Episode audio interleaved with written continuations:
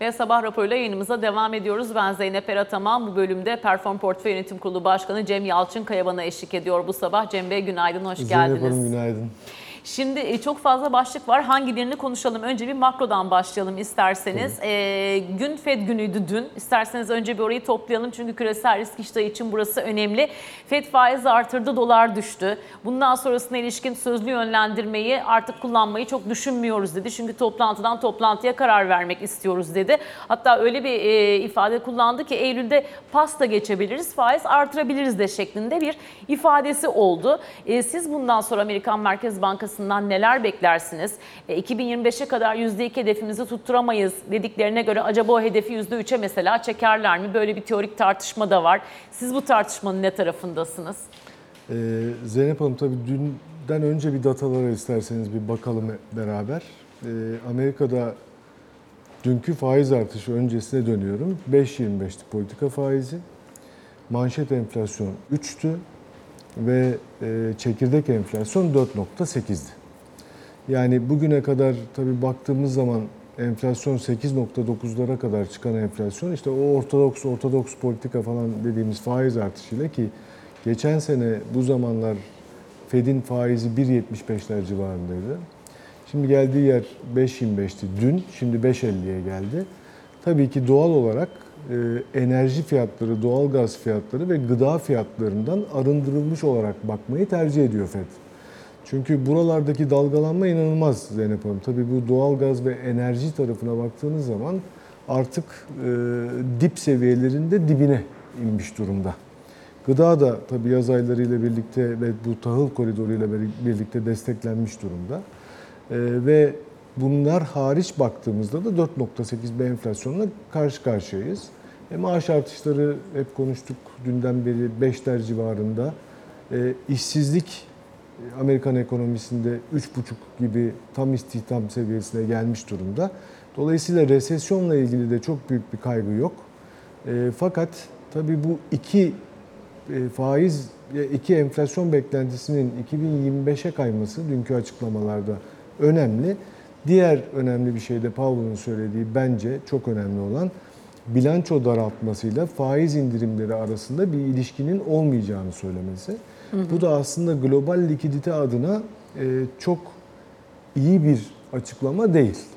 Yani biz yarın öbür gün enflasyonda yeterli seviyeye, çekirdek enflasyonda da yeterli seviyeye geldikten sonra ola ki faizde önce durup sonra indirmeye başlasak bile bilançoyu küçülteceğiz diyor. Bu bilanço dediğimiz hikaye 2008 yılında 800 milyar dolar olan Fed bilançosunun bugün artık 9 trilyon dolarların biraz altında işte daraltmayla... Kabaca bir 850 milyar dolar kadar geri geldiğini hesaplamış bir kurum. Evet, 850 Aktardık sabah milyon. Evet, yani ortaya çıkan tabloya baktığınız zaman anormal bir e, parasal genişleme söz konusu. Yani 10 kat. E şimdi bunu daraltmaya başlıyorsunuz. Birden bir bankacılık krizi geliyor. Hadi bir Evet. daha e, 150-200 milyar dolar gibi bir açılmaya gitmek durumunda kalıyorsunuz. Şimdi diyor ki ben yarın öbür gün evet enflasyondaki iyi gidişle birlikte ekonomide çok fazla ciddi bir resesyona girmesek de yumuşak geçiş de yapsak biz faizi indirebiliriz ama bilançoyu da daraltacağız. İşte bu gelişmekte olan ülkeler veya global likidite adına hoş bir durum değil. Yani siz aslında faiz indirimi gelecek, yaşasın coşkulu bir biçimde e, riskli varlıklara koşarken diğer taraftan bilanço daraltmasıyla aslında bu likiditenin çekileceğini göreceksiniz diyor. Dolayısıyla ben aslında bu likiditenin genişlemeyeceğini ve piyasaların bu bahar havasını çok fazla sürdüremeyeceklerini düşünenlerdenim. Peki o zaman banka kriziyle ilgili Amerika'da hala bir kaygı olur mu, var mıdır sizce? Hani orada finansal koşullara baktığınızda nasıl bir tablo var? Çünkü orada dediğiniz gibi yani tahvil alımlarını mesela vadesi gelmeden diyelim tahvilleri satarım dedi vesaire. Metinden de o bankaların güçlü ifadesini çıkarmamış olmasıyla birleştirirsek hala böyle bir risk olduğu için mi ortalığı teskin etmeye çalışan bir Fed var acaba? E, Aslında böyle biraz ama tabii şimdi geçmiş bankacılık krizine baktığımız zaman bu faiz artışlarından hızlı yani daha doğrusu piyasa faizinin politika faizine tepki vermesiyle birlikte piyasa faizinin ciddi anlamda yükselmesiyle birlikte işte 3 bankanın e, sıkıntıya girdiğini hatta satıldığını e, vesaire gördük. Bir bu tarafı var krizin. Yani faizler artık daha yük- yükselmeyecek. Dolayısıyla e, bankaların available for sale, satışa hazır portföylerinde bulunan menkul kıymetler, bonolar, tahviller daha büyük hasar vermeyecekler diyebiliriz. Ama diğer tarafta bilanço daraltmasıyla likidite sorununun ortaya çıkması da söz konusu olabilir. Bunu herhalde dengeler FED ama evet metne onu koymaması veya açıklamalarda bankacılık sektörü artık yeterince güçlüdür dememesi bir soru işareti yaratıyor Zeynep Hanım. Şimdi e, bugün de Avrupa Merkez Bankası toplantısı var. Onlar için benzer riskler var mı, farklı riskler mi var? Bir de onu değerlendirelim isterseniz. Çünkü bugün mesela Financial Times diyor ki Avrupa ve İngiltere Merkez Bankalarında veri setine bakıldığı zaman aslında bilanço küçültmeyi hızlandırma potansiyelleri daha yüksek e, gözüküyor. Kaldı ki oralarda faiz artırımlarının da bir yandan devam etmesi bekleniyor. Şimdi oraya da aynı Amerika'daki datalara, enflasyon ve faiz datasına baktığımız gibi bakacak olursak Zeynep Hanım, orada manşet enflasyon 5,5, çekirdek enflasyon da 5,5. Yani manşetle çekirdek eşit, politika faizi 4. Yani Amerika için tekrarlayacak olursak 3, 4.8, 3 manşet, 4.8 çekirdek, 5,5 politika faizi. Burada 4 politika faizi, 5,5 manşet, 5,5 e, çekirdek. Dolayısıyla böyle baktığımızda Avrupa'da tabii daha fazla faiz artırımına yol var gibi görünüyor. Henüz enflasyon aynı hızda geri çekilmedi. Ne manşet ne çekirdek. Dolayısıyla burada biraz daha yukarı yönlü hareket, e, faizlerde hareket beklentisi e, var. Bilançoya bakarsak Fed'deki aslında 2008 ve bugün arasındaki o anormal 10 kat genişleme yani bütün insanlık tarihinden 2008'e kadar 800 milyar, e şimdi bakıyorsunuz 8,5 trilyon dolar yani. Evet. E şimdi burada da aynı genişleme var Avrupa Merkez Bankası'nda da. Yani aslında dünyada eşi benzeri görülmemiş bir likidite dolaşıyor. Tabii biraz daha makroya girecek olursak Zeynep Hanım belki e, siz soracaktınız ama şimdi biraz daha makroya girecek olursak bu anormal parasal genişleme mutlaka sterilize edilmesi lazım. Mutlaka. Çünkü bu genişleme bugüne kadar enflasyon yaratmadı. Nasıl olur? Ekonomi 101. Karşılıksız para basarsanız mutlaka enflasyon olur. E nasıl olmadı? Çünkü küreselleşme adı altında çekilen halayda Çin dezenflasyonu ihraç ediyordu üretim tarafında. E, müthiş bir e, aslında küreselleşme yapısı. Bir tarafta siz sıkıntıyla parasal genişleme ve dünyadaki büyümeyi tekrar toparlamaya çalıştığınız önemli bir 15 sene geçirdiniz. Ama karşılığında baktığınızda sizi enflasyona götürmeyen, küreselleşme adı altında üretimi yerine getiren ve bu fonksiyonu tamamıyla üstlenmiş ve çok iyi yerine getiren bir Çin var. Tabii Dezenflasyon ihracı. eksi okumaları orada aylarca takip Devam ettik etti. tabii. Evet. Ama şimdi baktığımız zaman artık dünyada bu küreselleşme tabii rol olarak enerji sağlayıcı, gıda sağlayıcıyı dövünce yani aslında burada halay çöktü. Şimdi halay çökünce de bu sefer acaba biz çok yanlış mı yaptık Batı olarak? Her şeyi bu küreselleşme adı altında üretim içine bıraktık. Enerji sağlayıcıyı Rusya'ya olarak belirledik. İşte gı- gıda sağlayıcıyı ağırlıklı Ukrayna olarak belirledik. Acaba yanlış mı yaptık? Bizde bir şey kalmadı üretim adına. Dolayısıyla biz dönüp kendi içimizde de biraz bunları telafi etmemiz lazım. Biraz onların yerine koymamız lazım. Yaklaşımı enflasyonist bir dönem yarattı. Çünkü siz dönüp de kendi içinizde bir miktarını bile karşılamaya kalksanız bu enflasyon kalıcı olur. Genişlemiş para para tabanı, anormal bir para var ortada. Dezenflasyonu ihraç edeni birazcık oyunun dışına itmeye kalksanız bile önemli bir enflasyon döneminin başladığını görürüz. Ben enflasyonun çok kolay geriye geleceğini artık düşünmüyorum. Çekirdek tarafına bakıyorum bir, sonbahar geliyor, enerji fiyatlarındaki bu düşüşün artık manşete daha pozitif yansımayacağını gözlemliyorum. Bundan sonra negatif yansır. Dolayısıyla manşet ve çekirdek tarafında artık daha aşağıya gelmeyi gelişmiş ekonomilerde biraz zor görenlerdenim. Hizmet tarafına mı daha çok bağlı olur peki sizce önümüzdeki süreç? Çünkü büyüyen sektör tarafı hizmet orada. imalatta daha aşağı yönlü bir hareket var gibi gözüküyor değil Böyle mi? devam ediyor. Haklısınız bu konuda. Yani aslında imalat aşağı doğru gelmeye devam ediyor. Ama bu küreselleşmeden dönüş senaryosunu aslında stratejik olarak önümüzdeki işte 10 yılın, 15 yılın senaryosu olarak ortaya koyarsanız o zaman Çin'in yerine bir- birilerini koymaları lazım. Gözümün önüne Trump resmi gelmeye başladı siz konuştukça. eyvah Yani eyvah. bizim de aslında burada tabii tabii böyle bu kadar radikal değil. Zaten o yüzden birebir e, ülkeler kendi içlerine dönmek yerine kutuplaşmaya gitmeyi tercih ediyorlar. Şu anda daha çok birinci etapta kutuplaşmayı görüyoruz. Yani bir tarafta Batı bloğu, bir tarafta Doğu bloğu. E, tabii e, alt detaylarına da inilebilir bunun ama e, şimdi mesela Türkiye'nin önünde çok büyük bir fırsat var bu konuda aslında. İyi yönetilen bir Türkiye'nin. Neden? E işte sen bu küreselleşmeden eğer benim teorimde olduğu gibi böyle bir şey önümüzdeki 15 yılda dönecekseniz e Çin'i bir şeylerle, birileriyle, başka ülkelerle tamamlamanız, İkame daha doğrusu çeşitlendirmeniz lazım. E, Türkiye'de burada çok büyük bir fırsat çünkü üretim üssü. İşte burada da tabii Türkiye'ye belki daha sonra gireceksiniz Zeynep Hanım ama hani şunu söylemek isterim ki burada da Türkiye'nin ucuz olması lazım. Yani Türkiye ucuz Değil mi şu değil. anda? Ne anlamda değil? Açar mısınız orayı? Yani şimdi tabii enflasyonun yarattığı maliyetlerle birlikte baktığımız zaman e, birim fiyatlardan bunu gözlemleyebiliyoruz aslında. Yani biz ihracattan da bunu gözlemleyebiliyoruz. Türkiye ucuz olsa ihracatımız çok daha e, verimli gider. E, bugün dış ticaret açığına bakıyorsun hala kapanmış değil. Burada da kur efektinin çok yüksek olduğunu görüyoruz. Yani baskılanmış uzun süre kademeli yükselmesine imkan verilmiş ve baskılanmış bir kurun aslında Türkiye'yi pahalılaştırdığını görüyoruz. Bu da önümüzdeki aslında 10-15 yıllık çok uzun vadeli, orta uzun vadeli bir stratejiyle bir kalkınma planını biraz geride tutuyor.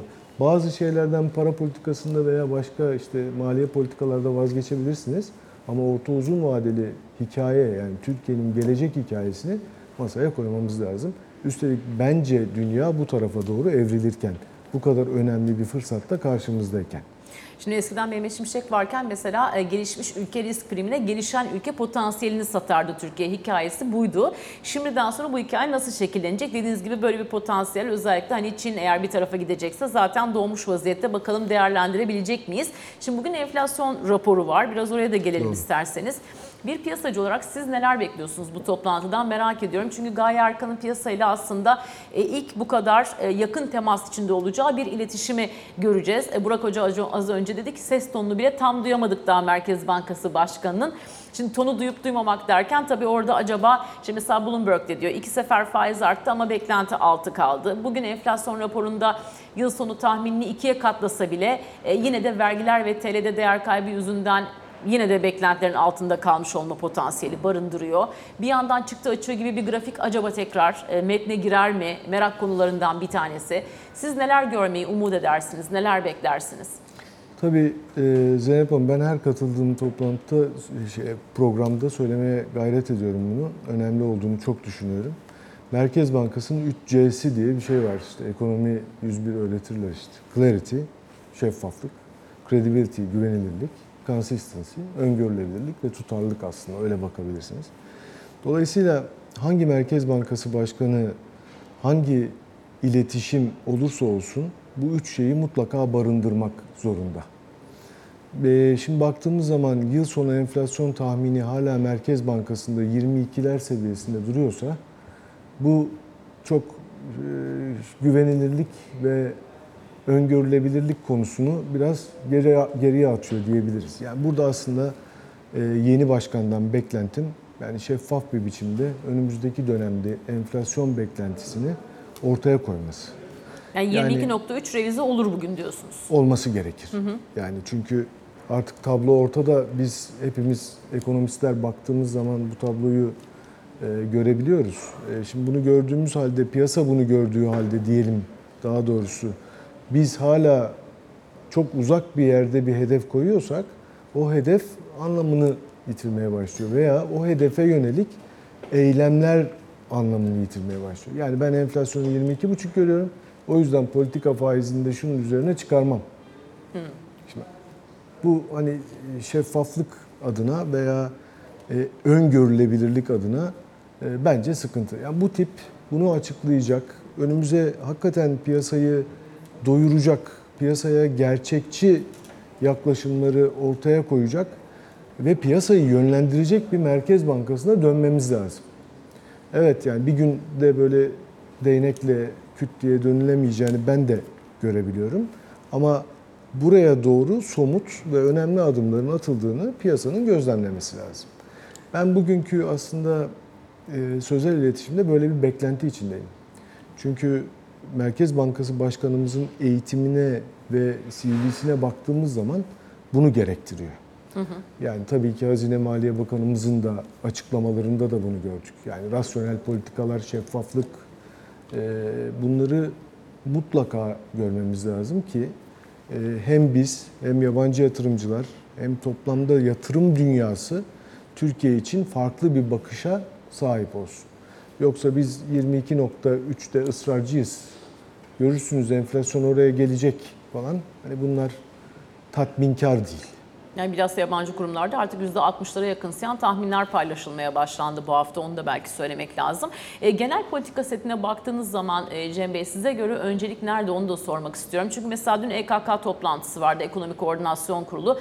Tek haneli enflasyon burada bir öncelik olarak karşımıza çıktı. E, Bakan Şimşek'in açıklamalarına baktığımızda merkezin bu hafta attığı adımları da mesela cari açığa destekleyici olarak e, görüyor. E, dün yine e, Profesör Doktor İbrahim Ünalmış vardı yayınımızda Bahçeşehir Üniversitesi'nden. O da diyor ki cari açığı azaltmayı ben enflasyondan daha büyük bir öncelik olarak okuyorum aslında politikalardan. Ee, Burak Arzova ile yayınlarımızda hoca daha çok hep diyor ki rezerv artırmayı ben şu anda enflasyondan daha büyük bir öncelik olarak görüyorum. Yani siz genel politikaya baktığınızda hem söylemler hem de e, aksiyon, eylem açısından baktığınızda önceliği biz nereye koymuş durumdayız? Benim önceliğim bunlardan biraz farklı Zeynep Hanım. Benim önceliğim kredi mekanizmalarının çalışması sağlanması lazım. Bir an evvel. Peki buna yönelik bir hani ekonomi yönetimi şu anda görüyor musunuz? Yani şu anda son yapılan açıklamalarda şunu görüyorum. İhracatı desteklemeye yönelik bir hamle var orada. O da Evet. nedir? İşte deregülasyonların aslında çok daha hızlı olması lazım. Gelen regülasyonların geri dönmesi lazım. Burada gör- gördüğümüz aslında bir işte yüz, ihracatçı dövizlerinin %70'ini %40'ı Merkez Bankası, %30'u diğer bankalar olmak üzere e, %70'ini satma zorunluluğunu %40'a indirdiler. Önemli bir deregülasyon. Fakat kredi büyüme hızını düşürdüler. Bu yani siz eğer bugün net ihracatçı değilseniz, KOBİ statüsünde değilseniz ki bunun açılımını da yapabiliriz isterseniz. Kredi Tabii o bulmanız- tanımın da içinde doldurmak önemli. yani e, mesela KOBİ şöyle 2 yıl 500 milyonun altında ciro yapacaksınız. Yine 2 yıl 250 kişiden az çalıştıracaksınız.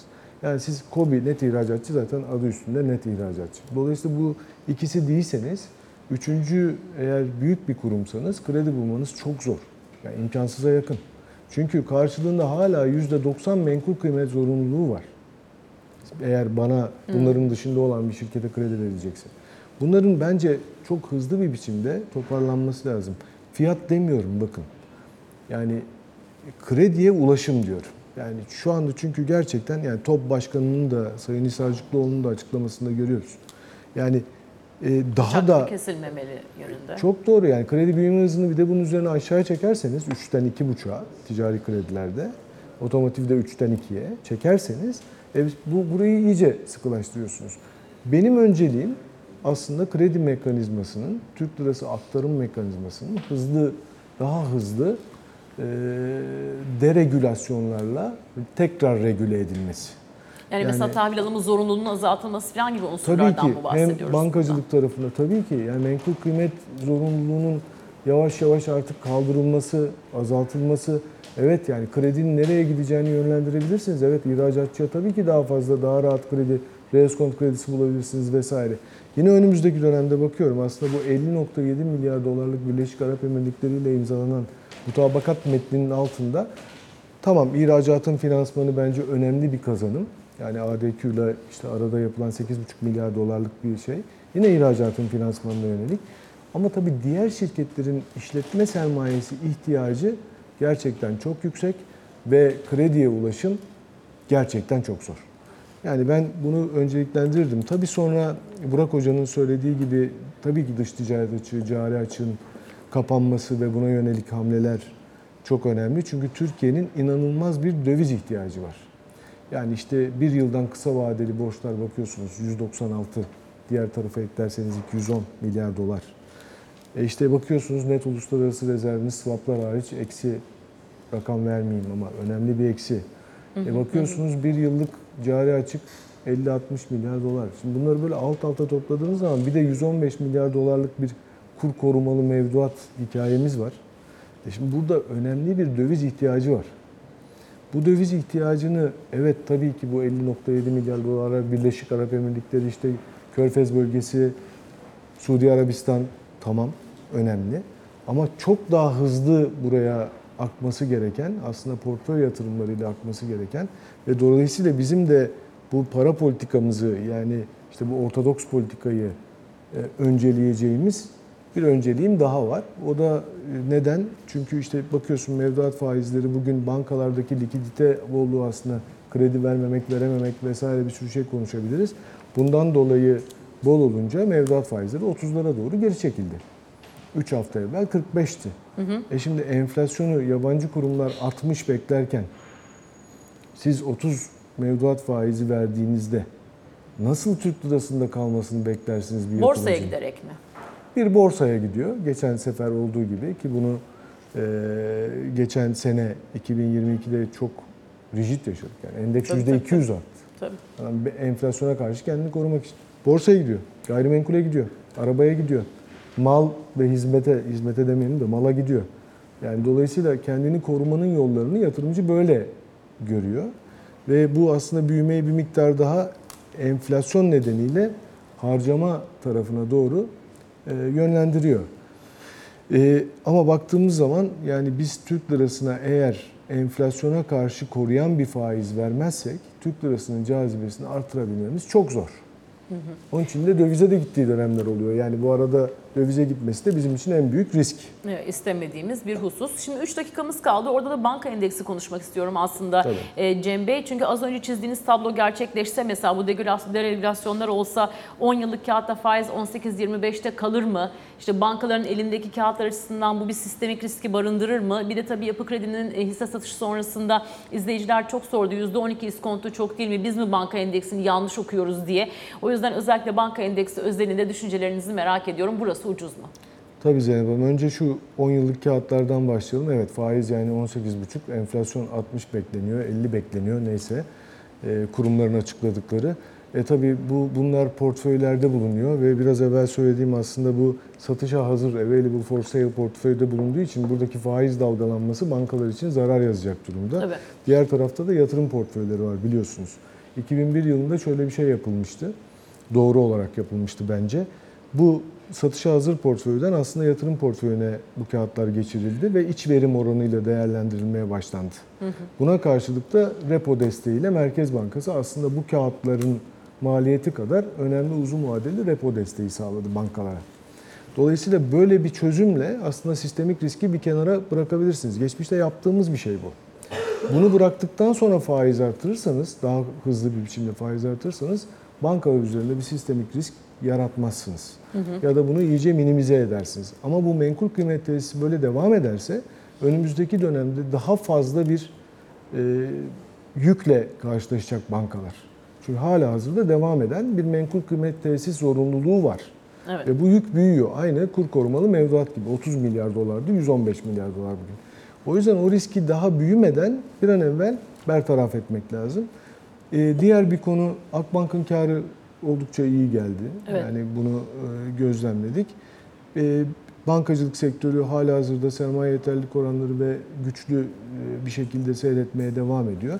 Bir risk olarak bunu görüyorduk. O yüzden o kadar detaylı açıkladım. Ee, bir de tabii yapı kredi satışı. Evet yani o aslında bir yandan oldukça başarılı diye bakıyorsunuz. Yani bir- birileri yabancı e, Türk bankalarına e, yatırım İlgi yaptılar.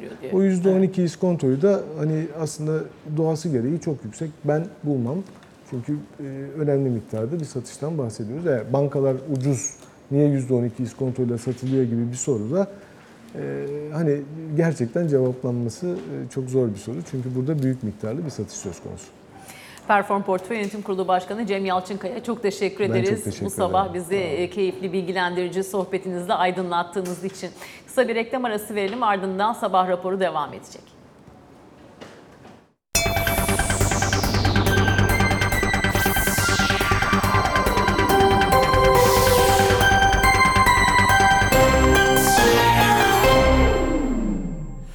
Ve sabah raporuna devam ediyoruz. Bloomberg KT Genel Müdürü Ali Can Türkoğlu ile biraz da siyaset konuşalım. Ali Can günaydın. Günaydın. Şimdi siyaset konuşalım dedik ama aslında siyasetin gündeminde de ekonomi var dedik. E, dün yine e, Çin'den Wang Yi'nin ziyareti vardı. Dışişleri Bakanı ziyareti sonrası acaba iki ülke arasında kendi para birimleri üzerinden bir ticaretin kapısı aralanıyor mu? Bunun tabii tartışıldığını görüyoruz. E, yanı sıra Ekonomi Koordinasyon Kurulu toplantısı vardı. E, orada da e, tek haneli enflasyon vurgusu ve OVP ile ilgili altyapı çalışmalarına dair ifadeler herhalde daha çok ön plana çıktı gibi anlıyoruz. Bugün ise tabii enflasyon raporu Hafize Gaye Arkan'ın e, Burak Hoca dedi ki ses tonunu bari duyalım. E, dolayısıyla bu iletişim gerçekten çok merakla bekleniyor. İstersen önce ekonomi ajandası diyelim Ankara cephesinden. Tabii enflasyon raporuyla ilgili olarak e, sevgili Çağlar Kuzukluoğlu orada olacak zaten. Evet, bizim Dolayısıyla yayınımızda da izleyiciler takip edebilir yakından. öncesinde sonrasında hem yapılan açıklamalar hem yapılan açıklamaların değerlendirmelerini e, Bloomberg YT ekranlarında zaten çok detaylı olarak aktaracağız. Dolayısıyla e, Sayın Erkan'ın açıklamalarının hem tonu hem de aslında satır aralarında vereceği mesajlar önemli. O yüzden e, tüm oradaki verilen sinyallere dikkat edeceğiz aslında bugün. Onun dışında evet sen de söyledin dünkü e, Ekonomik Koordinasyon Kurulu toplantısının çıktıları e, bundan sonraki süreç için bize biraz mesaj verecek gibi. Yani orta vadeli programla ilgili olarak işte makroekonomik hedeflerin ve yapısal reform politikalarının güncelleneceğini Güncellenecek, söyledi mesela. Evet, güncelleneceği söylendi mesela toplantı sonrası. Onun dışında enflasyondaki o tek hane vurgusu zaten aslında hem Mehmet Şimşek'te hem Cevdet Yılmaz'da hem Cumhurbaşkanı'nda yapılan her açıklamaya yansıyor. Ama onun için neler yapılacağı önemli zaten. Şimdi e, gıda ve otomotivdeki fahiş fiyatla mücadele kapsamında daha önceden kabine sonrası Ticaret Bakanı'nın yapmış olduğu da açıklamalar vardı. Buradaki e, uygulamaların değerlendirildiğini görüyoruz toplantı sonrasında ve fiyat istikrarı tamam fiyat istikrarı okey bu, olacak ama bununla birlikte de finansal istikrarın da devamı için ne gibi adımlar atılacağı konuşulmuş. Şimdi 3,5 saat sürüyor toplantı. Bundan sonra ve bakanlıkların kendi sorumluluklarındaki alanlar ve konularla ilgili neler yapacakları önemli. Bence e, bu EKK, e, Ekonomik Koordinasyon Kurulu toplantılarına biraz da bu açıdan da bakmak gerekiyor. Yani EKK sonrası bakanların, bakanlıkların kendi uhdelerindeki e, gündemlerle ilgili olarak yaptığı açıklamalara dolayısıyla biraz daha bunlara dikkat edeceğiz bu süreçte. E, Çin Dışişleri Bakanı'nın ziyareti ise aslında daha önceden planlanmış bir ziyaret bu. Sadece planlanmış ziyaret farklı, Farklı bakan içinde. oldu. Öyle 6-7 aylık bir Dışişleri Bakanı vardı zaten. E, Saad de söylüyor. Çiçeği burnunda bir bakandı ama bir anda gitti. Gitti. Hala da nerede olduğu belli değil Evet, galiba. kayıp. Ama Evet. zaten yeni Dışişleri Bakanı da işte hem politbüro üyesi hem zaten Çin'in e, dış politikasını belirleyen ekip içerisinde, o çekirdek ekip içerisinden birisi olduğu için yürütülen ve yürütülecek Çin'in politikaları anlamında konulara hakim. Dolayısıyla daha önceden planlanan bir Türkiye ziyareti vardı. Sadece yeni Dışişleri Bakanı gelmiş oldu. Burada hem Dışişleri Bakanı hem Cumhurbaşkanı da bir araya gelindi. Bu- Burada verilen mesajlar şu açıdan kritik. Yani hem kuşak ve yol projesi hem de Türkiye'nin orta koridor girişimlerinin uyumlaştırılması eee, konuşulmuş ve bu konu gündeme alınıyor. Bir kere onu söyleyebilirim. Eee, karşılıklı olarak ekonomik ilişkilerin, ticari ilişkilerin artırılması, yoğunlaştırılması ve yatırımların aslında karşılıklı olarak artırılması yine eee, özellikle Dışişleri Bakanları eee, toplantısında masaya yatırılmış başlık başlık. İşte nükleer enerji, e, tarım konusu, sivil havacılık konusu, e, kültür turizm konularında e, ne gibi karşılıklı yatırımlar, beraber ortaklıklar yürütülebilir gibi bir gündem maddesi de var. E, kurulabilecek bir takım mekanizmaların, özel diyalog mekanizmalarının çok daha etkin bir şekilde kullanılması yine e, bakanlıklar arasında konuşulan başlıklardan birisi olarak da dikkat çekiyor.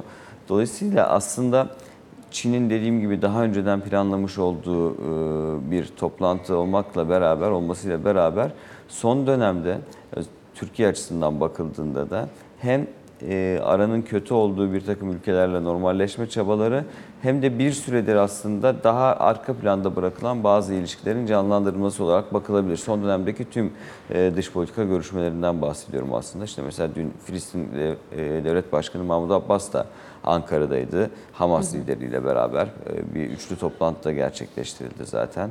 E, Netanyahu gelecekti. E, Aslında yarın gelecekti ancak sağlık sıkıntıları nedeniyle Evet. o geliş ertelendi ama görüşülecek.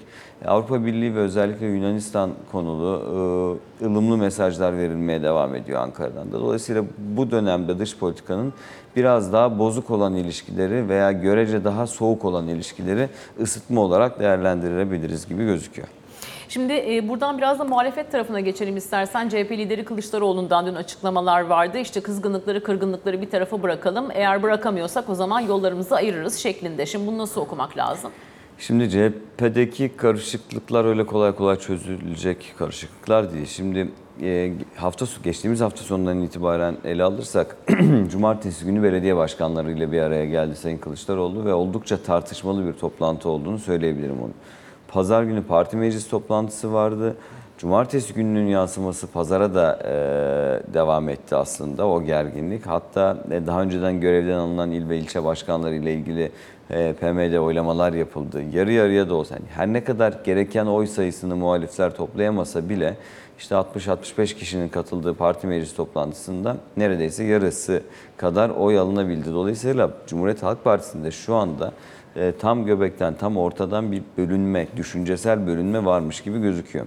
E, bunun yansıması dün geç, geçtiğimiz günde milletvekilleriyle bir araya geldi ve burada aslında genel merkezin ve genel başkanın vermiş olduğu mesaj partiyle ilgili iç sorunları, partinin sorunlarını e, kamuoyu önünde tartışmaktan artık vazgeçin. Çünkü bu seçmene yansıyor. Seçimlere, yerel seçimlere bu kadar az bir dönem kala parti içinin bu kadar tırnak içinde karışık olduğunun seçmen tarafına yansıtılması partiye zarar verir. Ve bir daha buna izin verilmeyeceği yönünde bir sert mesaj vermiş aslında milletvekillerine Sayın Kılıçdaroğlu ama e, işte Tanju Özcan'ın ihraç konusu, e, Ekrem İmamoğlu'nun başlatmış olduğu değişim konulu süreç, yapılan toplantılar, değişimi e, aynı şekilde o ses tonuyla veya o tonajla destekle, o tonla desteklemese bile yine de değişim olması gerektiğini savunan genel merkeze yakın görevli isimler. Dolayısıyla Cumhuriyet Halk Partisi içerisindeki bu değişim tartışması devam edecekmiş gibi gözüküyor. Şimdi e, il ilçe kongrelerinde, delege belirlenmesinde, delege seçimlerinde ne gibi tartışmalar yaşanacak ve aslında o yapı nasıl kurulacak buna bakmak gerekiyor. Ama bir yandan da hem CHP'nin kendi içinde hem de aslında muhalefet partilerinin yerel seçimlerde nasıl bir politika izleyecekleriyle ilgili tartışma da devam edecek gibi gözüküyor. Yani ittifak konusu, seçim ittifakı konusu evet bitti, seçim bitti, sona erdi ama yerel seçimlerde de özellikle Cumhuriyet Halk Partisi ve İyi Parti'nin e, geçtiğimiz yerel seçimlerde olduğu gibi e, bir takım büyük şehirlerde ve şehirlerde beraber hareket etmeyecekleri konusu en büyük soru işareti şu anda genel merkezlerin önünde. Şu anda uzak mesajlar verilse bile seçim zamanı yaklaştığında e, ve muhtemelen kendi araştırmaları masaya geldiğinde il il, il yapılan araştırmalar ben yine e, partilerin ittifak halinde seçime gitmelerinin çok daha yüksek ihtimal olduğunu görüyorum. Dolayısıyla şu an verilen mesajlar e, daha çok tabanı tutmaya yönelik mesajlar olarak okuyorum ama önümüzdeki dönemde özellikle Mart yaklaştığında, adaylar belli olmaya başladığında ki bunun sene sonunu bulabileceği ifade ediliyor. e, Ben partilerin yine ittifakı kendi işlerinde bir- bir veya birden fazla ittifak kurarak yerel seçimlere e, yine bir partnerlik kurarak gideceklerini düşünüyorum. E, son bir dakikamız içerisinde de istersen e, göçmen politikasını çok kısaca bir konuşmaya çalışalım. Orada da Cumhurbaşkanı'nın dün yine açıklamaları vardı. E, Suriye ve Irak'ta terör saldırıları devam ettikçe sığınmacıların kendi topraklarına dönmesi beklenenden daha fazla vakit alacaktır şeklinde bir değerlendirme paylaştı Sayın Cumhurbaşkanı. Şimdi bu Türkiye-Suriye normalleşmesinin önündeki de en büyük engellerden birisi olarak dikkat çekiyor. Yani orada Suriye tarafından Türkiye'ye gönderilen mesajlarda deniyor ki bir Türk askeri Suriye'nin içerisindeki noktalardan çekilsin. İki göçmenlerin geri dönüşüyle ilgili, mültecilerin geri dönüşüyle ilgili süreç. Ama Türkiye'de e, sınırdan e, Türkiye yani Suriye içerisinden Türkiye sınırından halen Türkiye'ye terör faaliyetleri devam ettiği sürece hem e, Türk askerinin bölgeden çekilmesi hem de mültecilerin o bölgede bölgelere geri dönmesi konusunda bir engel olduğunu kabul ediyor aslında. Dolayısıyla birincisi yani askerin çekilmesi konusu e, zaten oradaki terör örgütü faaliyetleri bitene kadar olmayacak mesajı veriliyor. İki, Göçmenlerin dönüşüyle ilgili olarak da yakın zaman içerisinde bu planlanıyor olsa bile seçimden önce çok dillendirilmişti. Şu andaki belli başlı şartların buna tam olarak izin vermediği ancak bu konuyla ilgili olarak da e, ilgili kurumlarla ve ülkelerle ki bunun içerisinde Rusya'da var e, görüşmelerinde süreceğinin bir alt mesajı olarak görüyorum ben bu açıklamaları. Bloomberg ET Genel Müdürü Ali Can Türkoğlu çok teşekkürler tüm bu bilgiler için. Böylelikle biz de sabah raporunu bitirelim. Kısa bir aranın ardından yatırım bülteniyle yayınımız devam edecek.